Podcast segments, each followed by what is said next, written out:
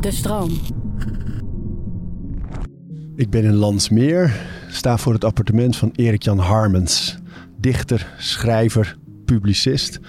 En ik, op de een of andere manier voel ik me altijd een beetje verbonden met hem, omdat hij een verslavingsverleden heeft en daar heel mooi over schrijft. Uh, ik zie dat bij mijn eigen broers.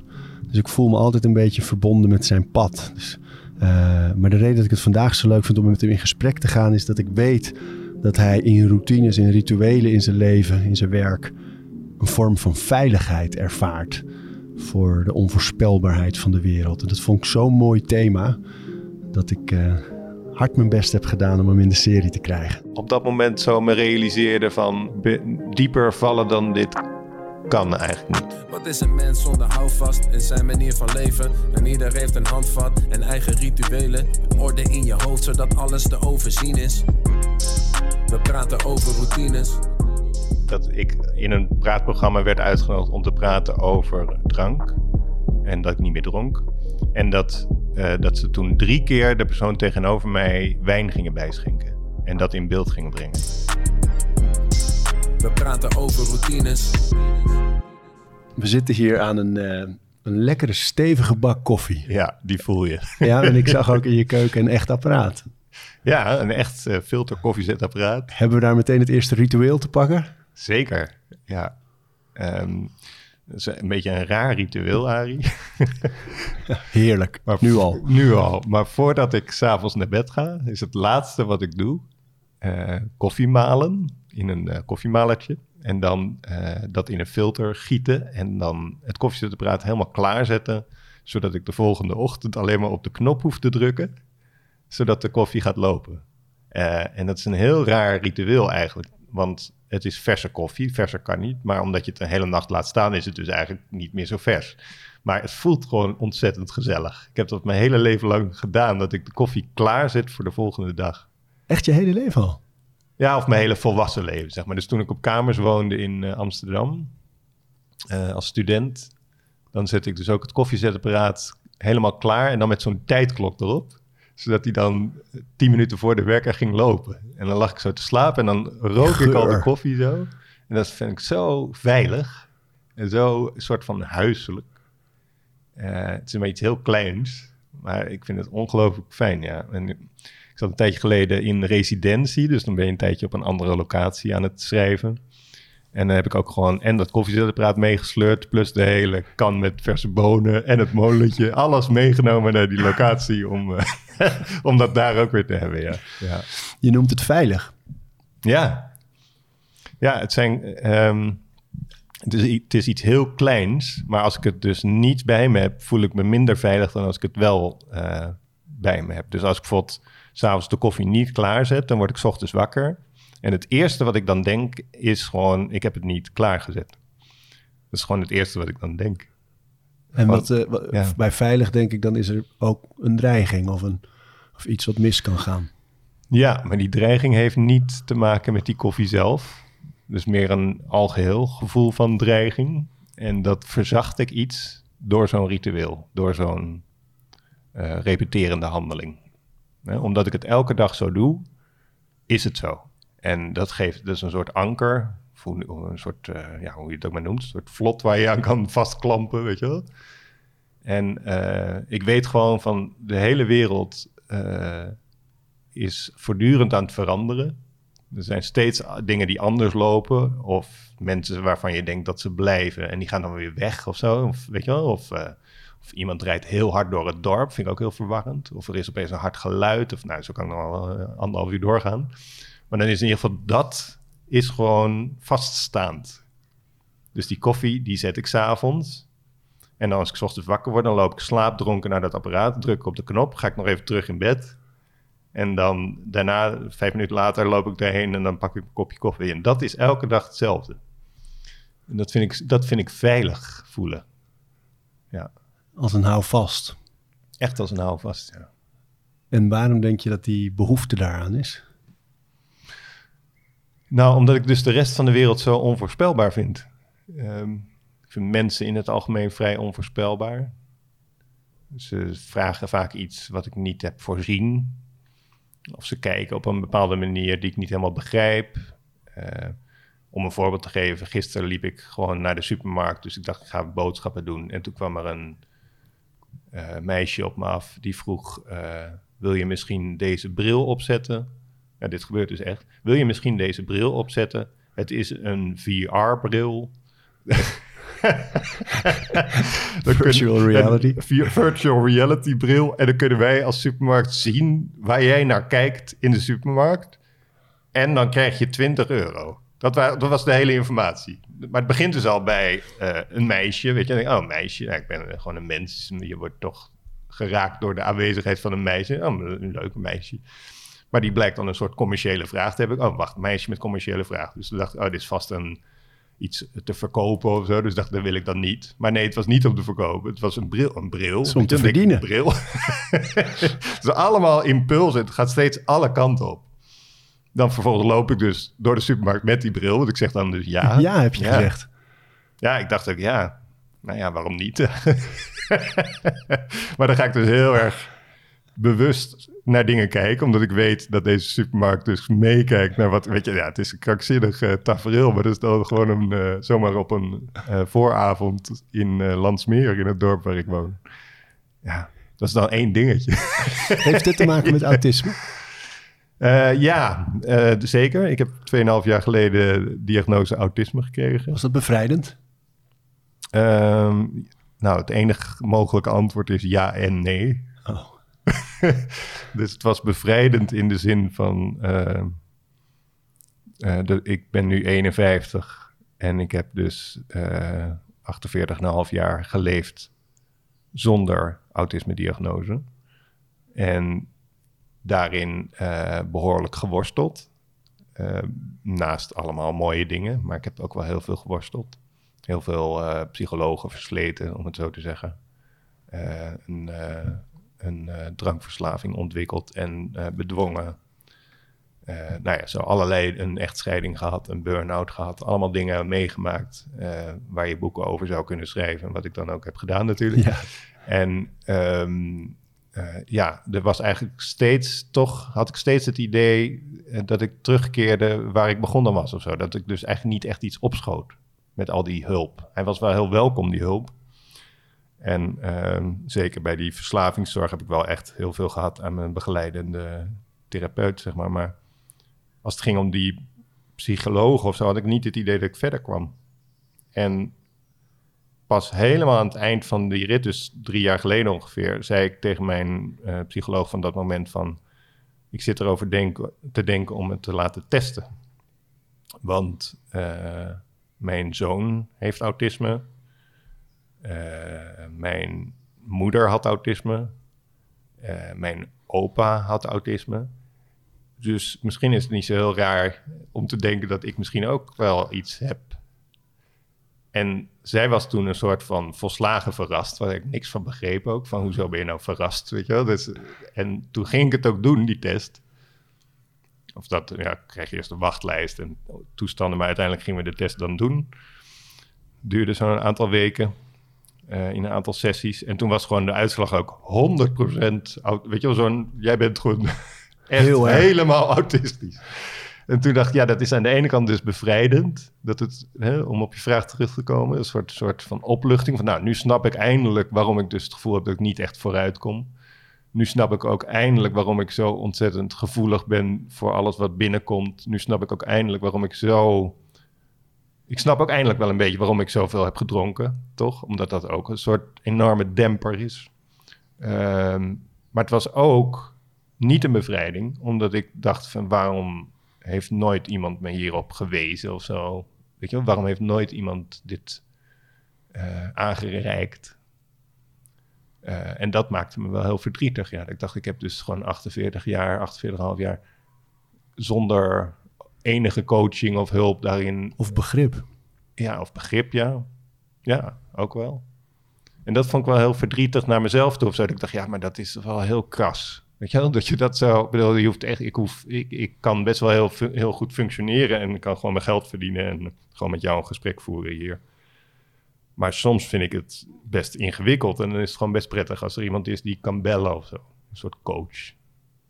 En uh, het was met dat alcoholisme ook best fijn geweest als iemand had gezegd van, nou, nu ga je dus zonder alcohol dat hele prikkelvolle bestaan in. Misschien heb je daar wel wat begeleiding bij uh, nodig of zo. Er is niemand die dat dan aanbiedt. En dat stelt me wel een beetje teleur. Uh, Denk ja. je dat dat misschien ook komt omdat je wel al ook meteen heel succesvol, uh, als dichter bijvoorbeeld, meteen voor mijn gevoel bij, bij, de, bij de top eh, veel, veel gevraagd voor voordrachten, veel, veel gepubliceerd. Ehm, in combinatie met een zekere intelligentie lijkt het dan ook of je niet hulpbehoevend bent natuurlijk. Ja, dat is denk ik mijn, mijn valkuil, dat het lijkt alsof ik niet hulpbehoevend ben. Ja. ja. En wat ik dan nodig heb, is iemand die bij wijze van spreken denkt van nou, het lijkt alsof je niet hulpbehoevend bent, maar ik ga het je toch aanbieden. Ja. En dan, dat ik dan misschien ook zelfs de eerste keer nog wel zeg: uh, nee, gaat wel. En dat iemand zegt: ja, ik check het nog heel even. Toch. Weet je? Ja, ja, precies. Ik herinner me nog een vriendin van mij die wel eens tegen mij heeft gezegd in een periode dat het even helemaal niet goed ging en dat ik geen bezoek ook wilde ontvangen. Uh, en toen zei zij van, uh, weet je wat ik doe? Ik kom gewoon langs en dan ga ik gewoon op de bank liggen. En uh, dan doe jij gewoon wat je altijd doet, maar dan ben ik er wel. En uh, dat vond ik zo lief aangeboden toen. Ik dacht, ja, dat is het eigenlijk. Toen kon ik zeg maar, steeds, als ik wel behoefte had om te praten, kon ik even iets aan de vragen. En op het moment van niet, dan ging zij gewoon uh, of even een dutje doen of even in een boek, in een boek lezen of zo. Dat was eigenlijk waar ik het meeste op dat moment aan had. Hoe lang is ze gebleven? Uh, nou, wel een groot deel van de dag, ja. Zo. Ja, toen op een gegeven moment moesten de kinderen halen. Zo. maar ik vond dat heel fijn, haar aanwezigheid op dat moment, ja. ja. En, en het klinkt ook als een voorbeeld van, weet je, waar iedereen altijd die dagen zo vol propt, dat iemand dus de tijd neemt om zo'n volle dag ergens voor een vriend ja. Te gaan. Hoe bijzonder is dat eigenlijk? Heel, heel bijzonder, ja. ja. Dat iemand dat ook aanbiedt uit zichzelf. Ja. Heel inventief bedacht ook. Ja. ja, maar dat is eigenlijk precies wat ik heel vaak ook wil. Ik, wil. ik vind het heel fijn eigenlijk als mensen langskomen, als ik maar niet de hele tijd aan hoef te staan. Want dat put mij dan echt wel heel erg uit.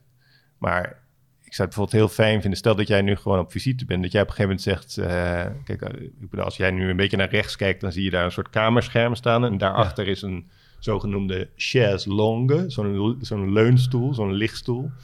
Dat je op een gegeven moment zegt, nou Erik-Jan, ik ga even op de chaise longue even een paar uurtjes uh, lezen of zo. En dan denk ik, ah, oh, wat fijn, dan is Arie er wel, maar hij is er ook weer niet of zo. Snap je? Allebei. En, dan en dat heb je dan toch liever dan dat ik gewoon wegga? Ja, want ik hou dus eigenlijk heel erg van mensen.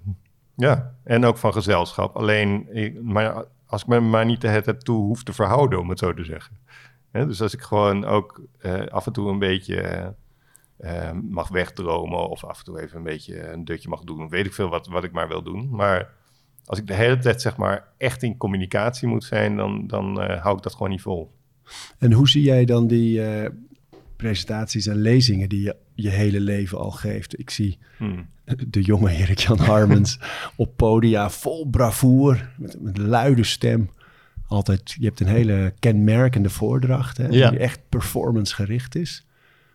Um, hoe is dat moment dan? Zo met mensen in contact in zo'n zaal? Uh, ja, dat is uh, heel, heel veilig voor mij. Ja? Ja. ja. Uh, ik denk vooral ook omdat het zo duidelijk is wat de bedoeling is. In tegenstelling tot heel veel uh, taferelen in het werkelijke leven, zeg maar. Maar dat is heel duidelijk. Dus je, je hebt meestal gewoon een soort aankondiger, een presentator. Die zegt woezie, woezie, woezie, woezie, woezie. Erik-Jan Harmens. En dan applaus. En dan kom ik op. En dan sterft het applaus uit. En dan wacht iedereen tot ik iets ga zeggen. En dan vind ik het nog heel leuk in die performance om nog heel even te wachten. Zodat je een beetje spanning zo krijgt. en dan breng ik zo de lippen zo richting de microfoon. En ik weet gewoon precies wat, ik, wat er gaat gebeuren. Uh, en dat, ja, en ik weet al, als ik het eerste woord uitspreek, voel je ook al dat, dat het publiek gaat reageren. Een heel prettig samenspel tussen mij en een uh, groep mensen. Als de afspraken maar duidelijk zijn dus. Ja. En ik weet ook dat ik dat kan. Dat is misschien ook nog wel heel comfortabel. Ik weet echt wel dat ik dat uh, kan. Ik weet ook heel goed wat ik allemaal niet kan. Maar dit kan ik echt wel gewoon. Ik kan gewoon een tekst uh, voorlezen en dan inderdaad op, op een performance-achtige manier. En ik niet iedereen houdt ervan of zo, maar ik weet wel dat, dat het is wat ik wil doen en wat een deel van het publiek leuk vindt. Nou, perfect. Dus alles is eigenlijk helder. En het is echt wel ook waar ik het gevoel van heb, hier ben ik voor in de wieg gelegd of zo. Dat is ook wel heel overzichtelijk. Ik, ik, weet je het is heel fijn om te weten, dat zal je ook wel hebben, van dit kan ik echt. Dit Ja. is iets wat ik echt kan. Ik kan er ook nog beter in worden, maar het is gewoon, we zitten hier in, in een gebied wat heel veel mensen niet kunnen en ik kan het wel. Dat is heel prettig. Ja. Ja, Even terug naar je dag, want ik, ik, we zitten nog aan die koffie. ja, ja. Het is, het is niet de ochtend, maar dat is dus wel echt het allereerste dat jij doet. Ja, Bed uit, koffiezetapparaat aan, ja, de bonen zijn al gemaald. ja, ja, Je gaat even terug en dan drink je die koffie. ja. Op wat voor moment is dat? Wat gebeurt er dan verder nog? Nou, dan lig ik dus nog in bed. Eh, mijn hond, eh, Nina, eh, die ligt dan meestal op me, want dat vindt Die ze wel gezellig. wonderbaarlijk rustig is nu. Ja, de hond eh, is, zit nu in de bench en eh, eh, ze is een beetje bang voor mensen. Dus Steven daarom- vooral voor Steven, de technicus. Ehm, maar eh, eh, die ligt dan meestal op me. Eh, een beetje af te wachten, want ze weet dat we dan uitgaan. Maar ik ben dan nog mijn koffie aan het drinken en ik lees, af, ik blader een beetje door de krant. Op mijn telefoon doe ik dat dan zo. Zo scroll, scroll, een beetje door de berichtjes. Vind ik wel fijn. Welke krant pak je dan? Trouw. Meest, ja, dus, maar ook wel gewoon telegraaf.nl bijvoorbeeld.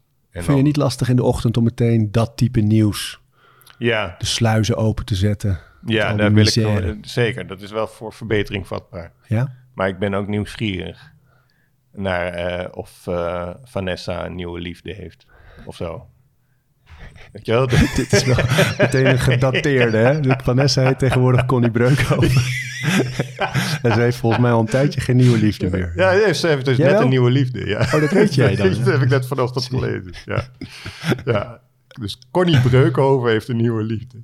En, ehm, en André Hazes junior, of die is tegenwoordig zonder junior. Nee, we, ik denk dat we heel goed junior moeten blijven zeggen. Vind je niet? Ja, van onze generatie moeten we dat nog ja, zeggen. maar het is een vorm van respect ook. Ja, ja, ja, ja zeker, Voor- zeker. Ja, maar daar ben ik dus bijvoorbeeld, daar voel ik wel heel veel compassie voor, eh, voor hem. Waarom? Eh, omdat hij wordt opgejaagd op dit moment. En daar maak ik wel heel veel bezwaar tegen, vanuit het diepste eh, in mij. Ik ken hem helemaal niet, maar ik vind dat wel een van de meest erge dingen die we kunnen doen. Om iemand zo op te jagen. Ehm, En wat bedoel je precies? nou ja, dat, dat iemand dus eh, eh, te maken heeft met een bepaalde problematiek. Dus hij, hij is eh, beroemd, eh, hij is eh, eh, behept met een erfenis van een vader en... ehm, en vervolgens is er een eh, soort opeenvolging van liefdeskwesties. Hè? De ene gaat weer uit en de ander gaat weer aan, et cetera, et cetera, et cetera. En dat wordt niet gewoon gevolgd, maar daarin wordt gejaagd. Ehm, en ik denk dat jij eh, en ik nog in mindere mate, maar wel een klein beetje weten hoe het voelt als, als er een soort, zo'n soort focus op je ligt en dat iedereen iets van je wil weten. Maar dit is wel tot in extreem is. En ik geloof echt oprecht dat we zo niet, eh, niet moeten gaan leven. Ik denk niet dat dit is wat we moeten doen. En als je zegt, ik, ik voel compassie dan voor... Nou, omdat anderen. hij dus een, een burn-out heeft, eh, heeft, denk ik. Of eh, hoe je het ook maar noemt. Is ook maar een woord natuurlijk, zoals autisme ook maar een woord is. Maar ik denk dat dat is wat hij nu heeft. En ik denk dat je, dat toen ik een burn-out had, ehm, had ik eigenlijk het meest behoefte aan om met rust gelaten te worden. En het zou zo fijn zijn als we gewoon kunnen zeggen, eh, we laten hem met rust. Ja. Gewoon omdat hij een mens is die, eh, die eh, eh, ja, in nood is eigenlijk. Dat is het eigenlijk. Hij is in nood. Ik zeg in alle eerlijkheid dat ik, ik ben geen fan van zijn muziek. Dat geeft ook verder niet. Ik ben waarschijnlijk ook niet de doelgroep. Maar ik bedoel, ik kan wel zien dat, wat hij kan. Maar ik kan vooral ook wel de blik in zijn ogen zien als hij zo wordt opgejaagd. En dan, dan denk ik, dat vind ik echt, echt zo verwerpelijk. En ook de reden van de mensen die hem opjagen vind ik verwerpelijk. Want er wordt altijd gezegd, ja, het zijn maar stukjes. Hmm. En er wordt altijd maar gezegd, ja, we moeten eh, klikbare content hebben. Of wat ook maar. Maar het is altijd zoiets. Eh, en er is dus niemand die één niveau hoger kan stijgen en kan zeggen, zullen we hier eens mee ophouden? Ik snap dat dit eh, voor, voor heel veel mensen misschien onzin is dat ik dit zeg, maar ik vind dit echt. Ik ook. Het is voor mij ook de reden geweest om uh, RTL Boulevard, waar ontzettend leuke collega's had ik Ja. daar. En ehm, sommige dingen doen ze echt heel goed. Maar het is toch ook die dynamiek die je nu beschrijft. Dus dat je in een item kan je heel leuk over sport komen vertellen. En iemand kan een prachtig eh, crime item hebben daar. Ja. Maar daartussendoor zit dan toch bijvoorbeeld dit verhaal. Of Ja. eh, die dynamiek die eh, ging mij ook heel erg tegenstaan. En ook inderdaad het clickbait en de opmerking ook van mensen. Ja, dat hoort erbij. Ja. Want je kiest er toch voor om op een podium. Ja, precies. Ja. Dat hoort er niet bij. Dat is gewoon eh, onbeschoft en Ja. eh, onbeschaamd. Ja. Ik heb een keer meegemaakt, en dat is dan echt op veel kleinere schaal dan bij André Hazes junior. maar eh, dat, dat ik in een praatprogramma werd uitgenodigd om te praten over drank. En dat ik niet meer dronk. En dat, eh, dat ze toen drie keer de persoon tegenover mij wijn gingen bijschenken. En dat in beeld gingen brengen. En dat lijkt een kleine handeling, maar het kwetste mij heel erg. Niet eens vanwege de wijn of zo. Ik kan best wel tegen het feit dat iemand wijn drinkt. Maar dat dus een regisseur Bedenkt. bedenkt dat dat leuk is Ja. om te doen. Ja. En dan dat de persoon tegenover mij dan zo slobbert. En dan mijn nuchtere gezicht er tegenover. En dat is dan leuk. ja. En ik vind dat eigenlijk helemaal niet leuk. Nare dynamiek. Ja. Ja. En allemaal bedoeld om, nou vul het maar in, om, om iets. Ja. En ik, kijk, we kunnen dat dus stoppen. We kunnen toch gewoon zeggen, we kunnen gewoon zeggen, nou, eh André geloven we nu wel. Weet je wat, we gaan hem eens een half jaar met rust laten. Eh, en dan daarna gaan we wel weer eens kijken hoe het met hem is. Dat, ik, we kunnen dat gewoon doen. ja. Deze aflevering van Overroutines wordt aangeboden door Squarespace. Een alles-in-één platform waar je je eigen website kunt bouwen en beheren. Het maakt niet uit of je producten, diensten of je passie met de wereld wil delen. Het kan allemaal bij Squarespace. Ik noem even kort drie handige functies van het platform. Met het ontwerpsysteem kan je makkelijk je website vormgeven en het helemaal eigen maken. Squarespace analyseert hoe je website presteert en wat er voor nodig is om je bedrijf online verder te laten groeien. En ook kan je abonnementen en exclusieve content aanbieden aan betalende leden. Start nu je gratis proefperiode via squarespace.com slash overroutines. En ben je klaar om je website echt te lanceren? Gebruik dan de code overroutines. Dan krijg je 10% korting op je eerste aankoop van een website of domein. Nee, en die media denken natuurlijk dat daar de, de behoefte van de mensen, Ja. van de doelgroep en de massa Ja, aan vooraf gaat. ja, Dus daar ligt dan misschien ook wel de verantwoordelijkheid voor jou. Kan je dat uitzetten? Weet je, als je ook bijvoorbeeld nu vertelt dat je toch dan even op telegraaf.nl ja, ook dat type nieuws toch even Ja. opzoekt. ja. Daar begint het natuurlijk toch. Ja, tuurlijk. Maar het is, het is eh, een, een, een facet in mij wat ik liever niet zou hebben. Maar zo heb ik er wel veel meer nog. Maar wat ik wel heb, want het is gewoon nieuwsgierigheid. Ja, Je, er, iets in mij wil natuurlijk wel weten hoe het met de Ja, anderen ja. gaat. En eh, of hij een nieuwe liefde heeft, of weer terug is bij zijn oude, of weet ik veel wat er aan de hand Ja. is. Nou ja, maar het is dus dat gif wat in mij zit, wat maakt dat ik dus ochtends toch naar dat soort sites ga om dat soort nieuws te consumeren. Maar dat gif zit ook in de leidende voorwerpen zelf. Die dat ook weer gaan missen als ze die aandacht niet krijgen. Zo. Ik denk dat, ja, ik kan het niet invullen voor hem, maar André Hazes junior eh, zal mogelijk ook in paniek raken als er niet meer op hem gejaagd wordt. Dat zou, ik- sluit ik niet uit in ieder geval. nou ja, of je dat nog los kunt koppelen. Ja. Hè? Dat je, kijk, de- en dat is dan inderdaad in het groot qua zichtbaarheid. Maar iedereen maakt natuurlijk in zekere zin een beetje mee in het klein van dat je waarde gaat hechten aan gezien en erkend worden. Ja, En eh, of het nou op social media gaat van, oh, deze foto heeft heel veel likes, Ja. dus ik voel me goed. ja. Dat is een hele riskante dynamiek, denk ik. ja, ik heb het dus nu dat net een paar weken mijn eh, eh, nieuwe roman uit is. Rigoletto-hof, Rico Lettohof. terug naar Alphen. Ja, terug naar Alphen aan de Rijn, eh, waar ik ben opgegroeid naast een winkelcentrum waar een schietpartij heeft plaatsgevonden tien jaar Ridderhof. geleden. Ja, de Ridderhof. Dus daar gaat dat boek over. En dat boek heb ik met alles wat ik maar in me heb gemaakt. Dus ik heb gewoon, ja, echt mijn, letterlijk mijn uiterste best gedaan. Ik heb echt ook zo hard gewerkt dat ik dat gewoon daarna bijna letterlijk neerviel, zeg maar. Maar ik dacht, ja, je moet toch gewoon maar alles geven wat je hebt. Dus dat is een heel zuiver proces van werken geweest. Van een boek zo goed mogelijk maken. En dan is het uit. En dan krijg je dus ook of ik praat al in de tweede persoon meteen, dan krijg je het dus ook. Maar ja, de buitenwereld die erbij komt. Dat is best heel ingewikkeld. Ehm, de, de, interviews over het boek zijn niet zo ingewikkeld. Maar eh, wat de buitenwereld ervan vindt, is ingewikkeld. Dat is ook een dynamiek ehm, die anders is dan in de showbiz-wereld. Uh, dus dan de literaire wereld. De literaire wereld. maar daar, daarin gaat het heel erg om, ja, is dit dan een goed boek? Wie bepaalt dat? Hè? Dus dat zijn dan de critici. Um, ja, op het moment dat we dit gesprek opnemen, is er in ieder geval nog geen kritiek over verschenen. Dus dan moet ik daar dus nu op wachten. Maar wel veel interviews, wel veel items. Ja, ja, wel veel interviews en items, maar de echte recensies nog niet. En, hoe vind je uh, dat? Hoe ik dat vind? Ja. Ja, um, ik ben dus aan het proberen, zoals ik ook probeer om s ochtends uh, niet op telegraaf.nl te kijken. Zo ben ik ook aan het proberen om hier um, een soort balans in te vinden. Maar ik moet wel meteen erbij zeggen dat dat nog niet helemaal lukt. Maar ik, ik vind het wel heel goed om het te proberen. Want ik schreef dit boek voor mijn broer en zus. Als, uh, dus het is een niet-literair motief eigenlijk, om het zo te zeggen. Het was uit liefde voor twee mensen uh, dat ik het schreef. Het is ook aan hen opgedragen. Um, en zij hebben het gelezen en zij vonden het heel mooi en waardevol.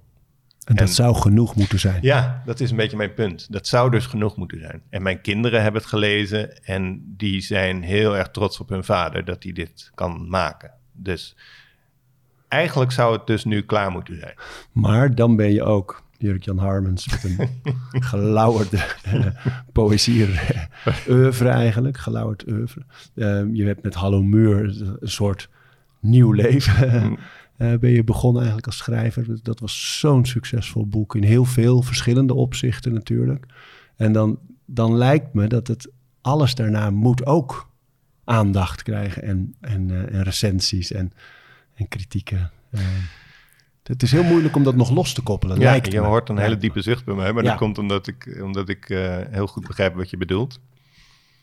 Eh, en het is, kijk, toen Hallo Muur zo'n eh, echt op het toppunt van zijn succes was, weet ik nog dat, eh, dat het ging echt helemaal los. En ze moesten ook in één nacht dan bijdrukken. Dat Voor wie niet weet, Hallo Muur Oh, ja. is echt eigenlijk over je eigen proces. Wel echt een roman, hè, Ja. een fictie. Alleen wel over het proces van stoppen met drinken. ja, En wat er dan ja. gebeurt. Ja, klopt. En ja. Ja, in hele korte hoofdstukken opgeschreven. en In een eh, vrij, ja, in een hele soort kale stijl ook. Het was vooral ook de stijl naast het onderwerp. Maar die stijl van dat hele kale, uitgebeende taal. Die heel erg overeenkomt met het leven wat je leidt als je stopt met verdoven. Want dan heb je ook een heel kaal, uitgebeend leven. Wat je daarna weer moet gaan vullen met dingen. Eh, dus hier kwam, hè, dus het was aan de ene kant het onderwerp en aan de andere kant de vorm van het boek, denk ik, die, eh, die maakte dat dat werd, eh, zo werd ontvangen. En ik, ik denk ook, we hebben het daar vaker in deze podcast over met mensen, maar dat die behoefte van mensen om het persoonlijke te vinden van een schrijver, politicus, artiest, ehm, dat dat daar natuurlijk wel heel erg in zat. Ja. Dat je, het boek ging erover, maar in je interviews kon je je eigen verhaal delen, waardoor de dynamiek sterk was. Ja. En raakte. Ja. En denk ik veel mensen mee konden identificeren ook met die strijd die eraan eh, Ja. te pas komt. Maar ik weet waarom ik dat boek heb geschreven. Ehm, namelijk, eh, eh, ik kwam uit een huwelijk dat stuk liep. En heb toen eh, een jaar in een staakerven gewoond. Hier niet heel ver vandaan, niet ver van Landsmeer, waar we nu zitten. Eh, en in dat jaar in die staakerven eh, heb ik eh, niet gedronken, wat een hele prestatie was onder die omstandigheden. En heb ik gedichten geschreven die in een bundel kwamen die Open Mond heet. Open Mond. En dat waren van die hele kale, uitgebeende gedichten. Beetje Jan Arends-achtige stijl, zeg maar. Ehm, en toen kreeg ik weer een huis. En dat is het huis waar we nu ook zijn. Maar dat was nog helemaal leeg. Ehm, en dat heb- hebben wat vrienden eh, samen met mij dan helemaal geschilderd. Dus alle muren geverfd en het plafond gewit. En toen ja, stond er een soort eh, plank op schragen. En daar stond mijn laptop op. En zo heb ik Hallo Muur geschreven. Letterlijk dus tussen de lege muren ook, zo'n beetje. En dat ben ik toen langzaam een beetje gaan inrichten. Maar ja, Met is, boeken vooral. Met, met boeken, en vooral. kunst. het is boeken en kunst, ja. Overal waar ik kijk staan kasten kijkt, met ja. boeken. Veel Nederlands werk en Engelstalig werk Ja. zie ik heel veel. Ik zie een foto van Kafka, Ja, en Slauerhoff. Slauerhoff. Ja. Gedichten aan de muren. Het, is het ademt literatuur. En dan zat jij dan op je, met die plank, je laptop. Ja, toen was dat er dus allemaal nog niet. In de, in de periode dat ik echt het meest geconcentreerd aan Hallo Muur werkte, was, was, het vrij, was het echt leeg hier. En dat vond ik heel prettig, omdat dat ook zorgde dat mijn hoofd lekker leeg werd. En zo in die focus schreef ik dat boek. En ehm, daarna dat editen duurde heel lang, maar dit was echt de kernfase, zeg maar. En voor mij was dat heel ja, waardevol, is een eufemisme. Het was meer een soort ritueel ook, een soort zuivering bijna. Zo van na zo'n jaar in een staakerven. En nou daar moet ik ook nog eens iets over schrijven, over die periode. Want dat heb ik nooit echt gedurfd. Maar er is heel veel gebeurd. Ehm, en toen in die cleanheid zeg maar, van de ruimte hier heb ik toen Hallo Muur geschreven. En toen kwam dus de buitenwereld daarbij. En toen heb ik hier, toen dat echt op zijn hoogtepunt was, die eh, waardering voor dat boek, heb ik met de lichten uit s'avonds hier eh, zeker anderhalf, twee uur op de bank gezeten. Om, eh, om, om het te ondergaan of zo. Omdat ik gewoon echt niet precies wist wat ik daar nou mee aan moest. En, wat, en hoe deed je dat? Nou, Behalve- echt dus door ja, alles uit te zetten. Dus ik had mijn telefoon uit en eh, er werd ook nou, toch best wel regelmatig ook aangebeld en zo toen. Dus het was even zo'n hele grote boost opeens. Mensen werden een beetje gek. en ze moesten dus, zoals ze dat noemen, overnight drukken. Dus ze moesten opeens allemaal exemplaren bijdrukken en zo. Mensen, nou ja, en anyway, dat was een beetje de situatie. En toen heb ik dus echt anderhalf, twee uur op de bank gezeten en niets gedaan. Maar dat herinner ik me gewoon zo goed, dat moment. Dat ik daar, nou, dus hier de bank tegenover jou, de groene leren bank, Ja. heb ik daar zo opgezeten. En eh, ik voelde gewoon die hele wereld, zeg maar, die iets wilde. Maar ik dacht alleen maar aan die staakerven. En ik dacht alleen maar aan die witte muren en die eh, plank op schragen waar ik aan zat te werken en aan de taal. En, en dat is eigenlijk wat ertoe doet. Snap je? Dus ik schrijf sinds Hallo Muur eh, en sinds die gedichten die ik in die staakerven schrijf, ben ik eigenlijk alleen maar zo blijven schrijven. Met mezelf als uitgangspunt, dus dat hele persoonlijke, maar met als intentie het universele. Dat is wat ik steeds ben blijven doen. Dat heb ik bij die gedichten gedaan, dat heb ik toen bij Hallo Muur gedaan. Ik heb toen een boek over autisme geschreven. Eh, daarna ben ik een boek gaan schrijven over hoe je dan verder leeft als je onverdoofd leeft. Ehm, eh, en toen weer een nieuwe dichtbundel eh, en nu Rigolettehof. Het zijn allemaal boeken die mij als uitgangspunt hebben, maar eh, geen... Breed aanspreken. Wat zeg je? Breed aanspreken. Ja, eigenlijk, eigenlijk eh, een soort ehm, eh, poging van mij zijn om, eh, om in contact te komen met anderen. En om, ja, zoals Rigolettehof is heel erg bedoeld ook voor iedereen die in een rijtjeswoning in een Phoenixwijk is opgegroeid. Weet je wel? En, en de eenzaamheid kent van die zondagen in de jaren tachtig, waarin niets gebeurde. En ja, dat, ja, weet je, dus, dus dat heeft universele waarde. Eh, ik ben op mijn negende, zoals ik het zo heel erg ook in dat boek noem, noem in mijn negende verlaten door mijn vader. Die is toen de Rigolettehof uitgereden. Eh, en kwam niet meer terug. En ik ben toen eigenlijk de hele gaan wachten tot hij terugkwam. En alleen dat gegeven al ehm, is voor mij universeel. Omdat natuurlijk, ja, dat staat eigenlijk voor iedereen die verlaten wordt. En eh, afwacht tot, de, tot, tot die persoon weer terugkomt. En dat dat niet gebeurt, is aan de ene kant verdrietig, maar vooral ook een soort van onvoorstelbaar. Omdat je gewoon ervan uitgaat. je Iemand gaat weg, iemand komt terug. Dat is een afspraak. ja, dat is een afspraak. Precies dat, ja. Precies. En eh, je, ja, weet je wel, je zal het bij jouw geliefde hebben en ik heb, heb dat bij mijn geliefde. Van als die zegt, ik ga, of als die wegloopt gewoon, dan weet je gewoon, die komt terug. Maar als die dan niet meer terugkomt, is dat gewoon heel verwarrend of zo, omdat dan alles op het spel staat ineens. En als die al niet meer terugkomt, dan ben ik misschien wel echt helemaal alleen. En uh, die zoektocht naar het antwoord op die vraag van ben je dan echt helemaal alleen of ben je wel echt, echt verbonden met mensen? Dat is een beetje wat centraal staat in dit boek, maar ook wel in mijn werk. Van ja, ik voel me heel vaak toch iemand die uh, dolt met dubbel O. Ik kan niet zo goed uitspreken. Dolt. Dolt, ja. De dolende ridder. Dolende, ja. Ik voel me vaak dolend. Maar ik wil dat graag bestrijden. Dus ik probeer te verbinden. Ik probeer met mensen te, eh, in contact te komen, werkelijk. Is dat het schrijven voor jou? Want je schrijft niet alleen deze boeken, romans, dichtbundels, maar ook veel voor de krant. Je maakt je podcastserie. Ja. Die er weer een nieuw seizoen aankomt, volgens mij. Ja. Onverdoofd. Ja. Um, is dat het? Is het zoeken naar dit, die verbinding ook, dat werk? Ja, uh, dat is het. Um, ik weet pas sinds kort hoe het echt in elkaar zit. Dat weet ik dankzij uh, een, uh, een leerling van mij. Want ik, ik heb een tijd lesgegeven op de kunstacademie in, in Arnhem, de Artes. Artes, ja. en daar heb je een opleiding Creative Writing. En daar zat een student... Um, en ik vroeg aan haar op een gegeven moment, ik weet niet meer precies waarom, maar ik vroeg aan haar van uh, waarom, uh, waarom wil je eigenlijk schrijven? Waarom, waarom schrijf je nou eigenlijk? Want zij schreef eigenlijk alles de hele over, over dieren.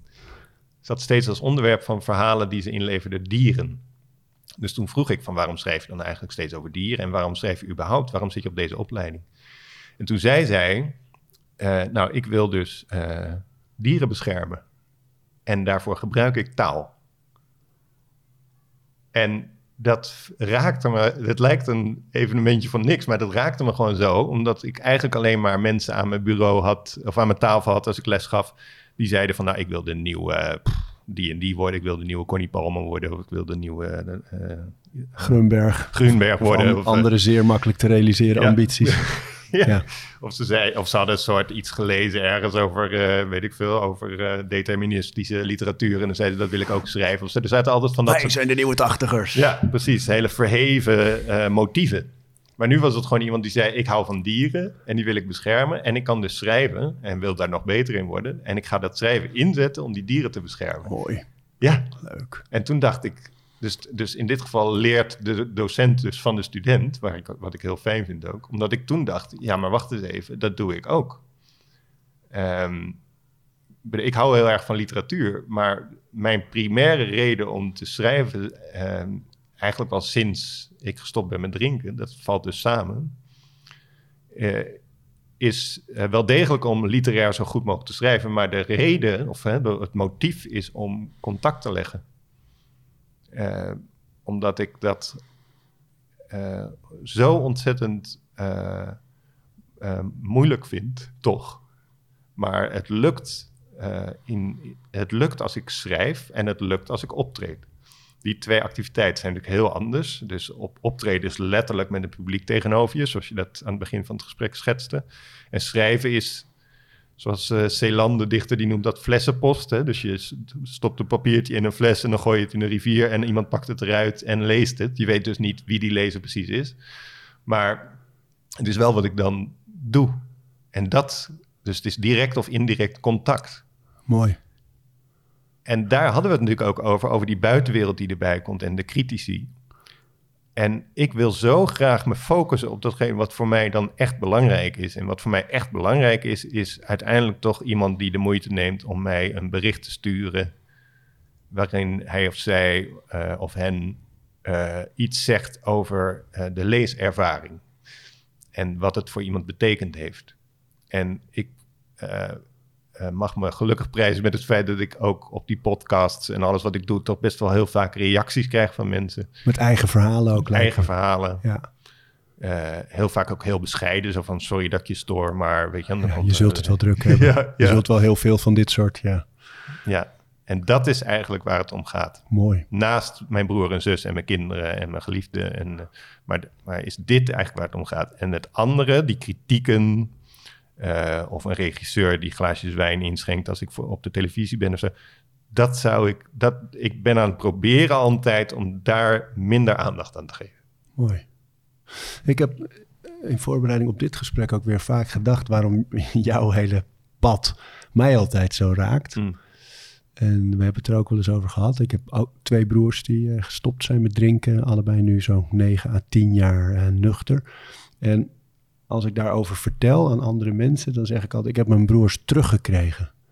En ik heb die levens uh, op bloeien weer. Dus van sombere pieken en dalen levens um, met, met mislukkingen en ook successen, maar moeilijke, lastige levens, vol verdriet, uh, zijn het gelukkige levens overwegend geworden. Van productieve mensen die blij zijn, die met een vrouw en kinderen en uh, die, ja, die gewoon op een fijne manier aan het leven zijn. En dat meen ik altijd ook zo bij jou te zien.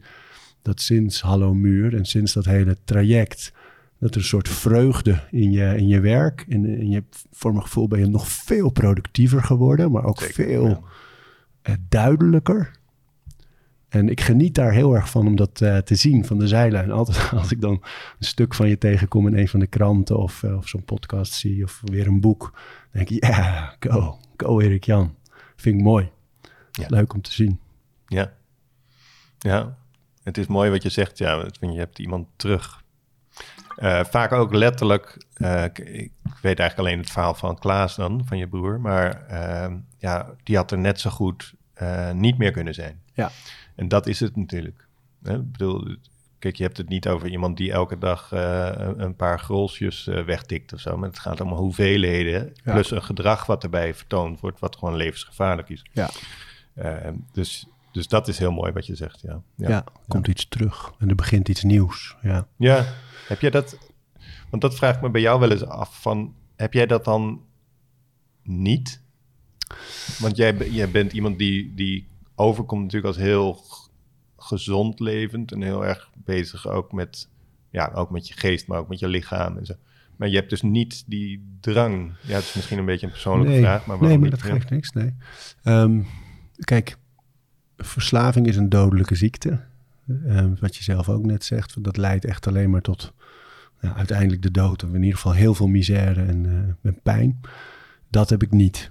Maar ik denk wel eens dat, uh, wat natuurlijk ook bij verslaving hoort, is dat monomanen. Je ergens in vast kunnen bijten, niet loslaten tot je het hebt, tot het er is. En ik denk dat ik dat wel heb. Dat ik, ik kan wel heel goed bedenken, dit ga ik doen. En dan laat ik niet meer los. Ja. En uh, bij mij is dat vertaald uiteindelijk naar vormen van discipline en, uh, en ambitie en gretigheid. Ja. Ook wel onrust die erbij hoort. Maar uh, het is niet de drang om te verdoven. Ik heb wel gehad in de periode dat ik veel programma's maakte over uh, vaak gevoelige onderwerpen, taboes en, en jongeren met op kruispunten of, of beschadigde levens. Ja dat ik meer behoefte had aan verdoving, omdat het me moeilijk lukte om al die verhalen los te laten. Dus dan had ik bijvoorbeeld, als ik door de week een paar van dat soort afleveringen had opgenomen en verhalen gehoord had van, nou ja, kleine dingen. Een meisje dat van de moeder ooit een, een, een roze wie had gekregen. Zo'n spelcomputer. Hè? En die vader had die weer verkocht om drugs te kopen, weet je, dat soort. Oh, ja. Van die kleine dingen, zelfmoord, nou ja, noem het ja. allemaal maar op. Alles kwam voorbij. Mensen die zo van zichzelf walgden omdat ze iets of iemand waren waarvan hun omgeving zei dat het niet mocht. Weet je, dat, dat lukte me dan moeilijker om los te laten. En dan dook ik wel in de weekends bijvoorbeeld harde nachten in. Alcohol, drugs. Uh, dat was toch wel niet zozeer verslavend, maar wel een behoefte aan even stilzetten.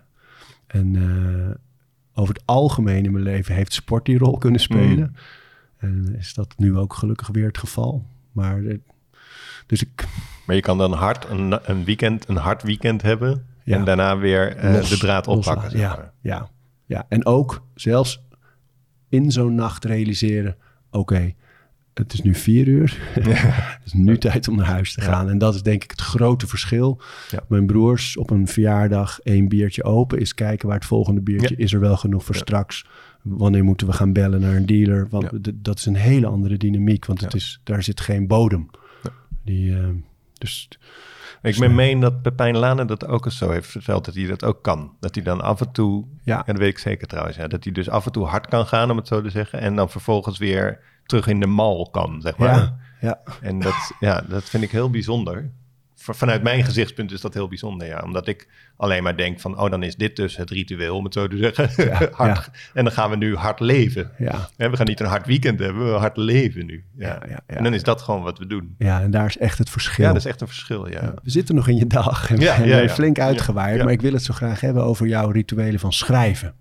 Dus hoe je schrijft. En ik neem aan dat ergens na die koffie en het wandelen met de hond, eh, je, je loopt veel hard. Ja. Waar zit dat op de dag? Ehm, nou, mijn meest waardevolle schrijfuren zijn eigenlijk meteen na het uitlaten van de hond. Uh, dus ik sta eigenlijk bij voorkeur heel vroeg op. En dat komt ook omdat ik vrij vroeg naar bed ga. En Hoe vroeg? Dat, nou, uh, misschien voor jou niet zo vroeg, maar voor mij is het heel vroeg. Is om 11 uur of zo. Ja, naar bed. Ja, dan ga ik naar bed. Ja. En dan slaap ik om half twaalf. En voor mij is dat heel vroeg, omdat ik vroeger echt minimaal om half twee pas sliep of zo, door de week ook. Twee uur en dan ging, stond ik om zeven uur weer op of zo. Dat was, Zo. Ja, dat was heel, niet om stoer te doen, in tegendeel. Maar dat was gewoon wat ik, ik kan dus, ik kan dus wel met weinig slaap. En nu, hoe laat sta je op? Ehm, ja, half zeven, zeven, kwart voor zeven, zo, rond die tijd. Ja. Koffie? Koffie Hond. en dan om zeven uur de deur uit. Dus zeg maar half zeven de wekker, dan dus die eh, knop op het koffiezetapparaat aanzetten, kwart voor zeven koffie drinken, zeven uur de deur uit. Dan bij voorkeur eh, lang wandelen met de hond. Maar dat doe ik vooral in de zomer, want dan, nu is het dan wel heel kil en donker of ochtends. Dus dan eh, doe ik dat soms wat korter. Ehm, maar dan, kom ik, dan komt het moment, want dan kom ik dus terug na het uitlaten van de hond. En dan ga ik, ik heb wel gewoon een werkkamer. Maar ik zit eigenlijk altijd, als jij zeg maar schuin links voor je kijkt, zie je een bruine leren stoel in de hoek. Daarbij dat portret van John Coltrane. Dus Ja. ik zit dan onder John Coltrane, Daar heb ik mijn jas opgelegd nu. Oh, daar heb je je jas op gelegd, ja. En daar zit ik dan in mijn eh, joggingbroek. En eh, weet je wel, dus helemaal nog verfomfaaid. Nog niet opgefrist, nog niet gedoucht, niks. Ehm, heb ik zo'n tweede kopje van die heerlijke koffie die je net hebt gekregen. En dan heb ik mijn laptop op schoot. En dan vindt eigenlijk het belangrijkste creatieve proces van de dag plaats. En dat duurt zo, zeg maar, gemiddeld tussen 8 en 11. Zo, Zoiets. zittend op die stoel. Vaak, ja, bijna altijd. Ja, ik bedoel, ik heb wel eens uitzonderingen, maar bijna altijd zit ik daar. Met de laptop op schoot. Op schoot, ja. Ongebruikelijk. Doet een beetje denken aan Roald Dahl. Die had die oude pilotenstoel en zijn, eh, zijn schrijf. ja, die En liep dan door zijn tuin eerst. Ja, die had zo'n heel ritueel. Ja. Ja. klopt, ja. Ja, maar dan drie uur schrijven is creëren. Echt creëren, ja. En ik denk, mijn theorie hierover is dat, ehm, dat ik dan het gevoel heb dat ik eigenlijk helemaal niet aan het werk ben. Want ik zit in mijn jogging, een beetje onderuitgezakt, in die bruine stoel, laptop op schoot, een beetje te tikken. Koffie, koffie erbij. Terwijl als ik in mijn werkkamer zou gaan zitten, aan mijn bureau, dan heb ik echt het idee van, oké, nu ben ik dus aan het werk. Nu moet er dus iets komen, nu moet ik, weet je wel. En dan raak ik, denk ik, een beetje geblokkeerd of zo. Dan hangt er opeens heel veel van af. En dan voel ik me niet, eh, sowieso niet ontspannen genoeg, maar ook niet vrij genoeg of zo. Omdat ik dan toch denk van, nu, nu ga ik dus schrijven. En ik wil eigenlijk meer creëren. En eh, dat doe ik echt wel in die stoel. Tot slot, want ik wil even met je mee naar het moment dat je die bonen maalt. S'avonds. Ja, Ja. wat is er dan in je hoofd gaande? Ja, nou, ik vind dus de nacht ingewikkeld. eh, omdat de nacht voorheen eh, stond voor, eh, voor vrijheid en rock en roll en alles wat je daarbij maar mag verzinnen. En nu is dat niet meer zo. Dus ik vind de nacht altijd wel spannend. Ik vind altijd spannend. eh, je zou eigenlijk ontspannend naar bed moeten gaan natuurlijk. Eh, maar voor mij is het altijd toch weer een uitdaging. Ja, om, om dus zo ontspannen mogelijk dus de bonen zijn gemalen, de koffie, het koffieapparaat staat klaar, de tanden zijn gepoetst en dan ga ik in bed liggen. Eh, maar dan is het alleen nog ik en mijn bed. En dan, ja, dan komen de gedachten. En dat is moeilijk. Vind ik wel een moeilijk moment van de dag.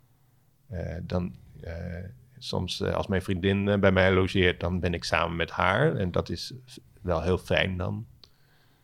Want dan kan je gewoon een beetje schuilen, zeg maar. Maar als ze er niet is, dan ben ik alleen met mijn gedachten. En ja, dan gaat het maar net om hoe die gedachten lopen op dat moment. En als ze een beetje licht zijn en ik heb bijvoorbeeld een leuke droom te pakken of zo, dan slaap ik heerlijk in.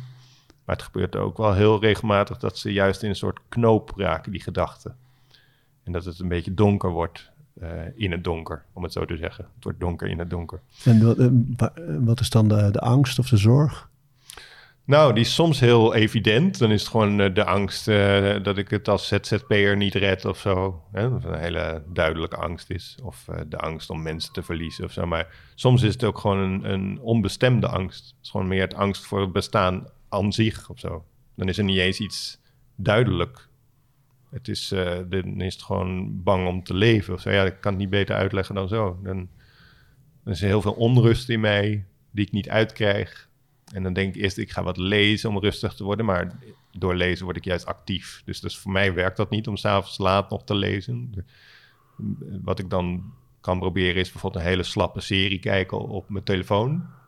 Er zijn genoeg slappe series gelukkig tegenwoordig. de ene slappe serie naar de andere. Dus ja, ik kan gewoon heerlijk naar iets kijken. Een soort iets wat bedoeld is als comedy. Alleen ik lach helemaal niet. Maar dan kijk ik gewoon zo neutraal naar. En dan val ik nog wel eens in slaap. Maar uh, ja, als dat ook niet lukt, ja, dan ga ik er weer eens uit. En dan loop ik een beetje door mijn huis. En ja, dan kom ik er niet helemaal uit. Nee, en dan slaap ik soms heel slecht. Ja. En hoe lang duurt zo'n moment? Nou, het is bij mij eigenlijk meer een serie van nachten, zeg maar, waarin het dan niet lukt. En de ene nacht versterkt de volgende nacht weer. Hè? Dus dat is echt zo'n proces van gisteren kon ik niet slapen, eergisteren ook niet. Dus uh, dan gaat het nu ook weer niet lukken of zo. Dat, dat, dat versterkt zichzelf dan voel ik me wel echt alleen. Ja, vind ik niet zo leuk. Dat is dan ook weer een eufemisme. Hoe kom je daaruit? Uiteindelijk. Ja, meestal volgens mij door toeval.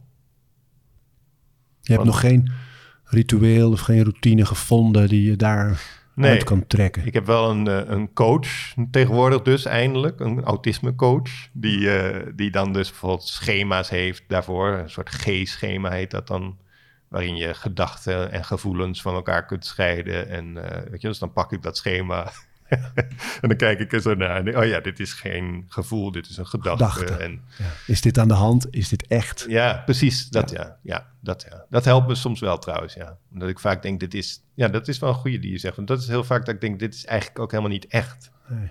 Ik ben nu bang voor iets wat helemaal niet gebeurt. Dat helpt me dan wel, ja. Dat is wel een mooie... Uh, tussenwerping van je. Want dan denk ik wel van, oh ja, dus dan is het gewoon eigenlijk uh, ingebouwde angst of zo. Snap je? Het is geen werkelijke angst. Het is meer iets wat in mij zit. Uh, en uh, dan, dan kan het me nog wel eens helpen ja, om me dan iets te ontspannen. Omdat ik denk, oh ja, dus dan ben ik het gewoon. Het is gewoon iets in mij wat, wat er gewoon is. En dan heb ik wel eens vrede met die situatie dan. Dat gebeurt af en toe wel. En dan slaap ik dus in. En op andere momenten word je gewoon uiteindelijk zo moe dat je de vijfde of de zesde dag gewoon toch ja, crasht. Dat is wel het voordeel. Ja. Uiteindelijk word je zo moe dat je gewoon crasht. Ja, maar ik moet uh, toch best wel vaak mensen interviewen of lezingen geven of gewoon schrijven of zo. En als je zo moe bent, is dat best lastig. Ja, ja dus dan baal ik wel echt dat ik zo'n druk hoofd heb. Dan zou ik er liever een rustiger hoofd willen. En is dan ooit nog de gedachte bij jou om dat te gaan verdoven? Nou, ik weet gewoon wat er dan gebeurt. Uh, dat is misschien een van de voordelen van diep vallen. Dat, dat, dat ik bijna letterlijk op dat moment zo me realiseerde van uh, nu dieper vallen dan dit kan eigenlijk niet. En, en dat, kijk, mensen die zo uh, zoveel, uh, zo, zo diep gegaan zijn of zo, die, weet, die weten waar ik het over heb. Die weten hoe donker dat donker is. Dus niet om zielig te doen, maar dat is gewoon wat er dan gebeurt. Van je, je, je komt in een soort donkerte die je niet eens kent, die, die aan je kleeft. Beetje een soort derry waar je in, in loopt. En daar wil, wil ik gewoon nooit meer naar terug. En uh, dus ik heb het, in die zin het licht echt wel gezien. Dat ik weet van als ik nu, uh, het gaat echt over donker en licht. Maar als ik nu een Westmalle drink, zo'n Belgisch biertje, wat mijn lievelings was altijd, Westmalle. Ik weet nog precies hoe het proeft. Maar als ik dat nu neem, dan weet ik gewoon zeker wat er gebeurt. Namelijk dat ik, precies wat je net schetste, dat ik op zijn minst heel erg ga denken aan de volgende. En eigenlijk geen rust zal hebben voor ik die volgende heb. En dan zijn we eigenlijk weer terug bij waar ik vandaan kwam. En dan gaat alles toch weer down the drain. Kapot. Met mij, maar ook met de mensen om me heen. Hè. Dat, dat is natuurlijk ook altijd evident. Niet alleen ik ga kapot, maar ook de mensen om me heen. En dat wil ik niet. Nooit. Nooit. Blijven schrijven. Ga ik doen. Mensen op de bank. Ja, precies. ja. Fijn joh, dank. Ja. Jij ook bedankt. Ja. We praten over routines.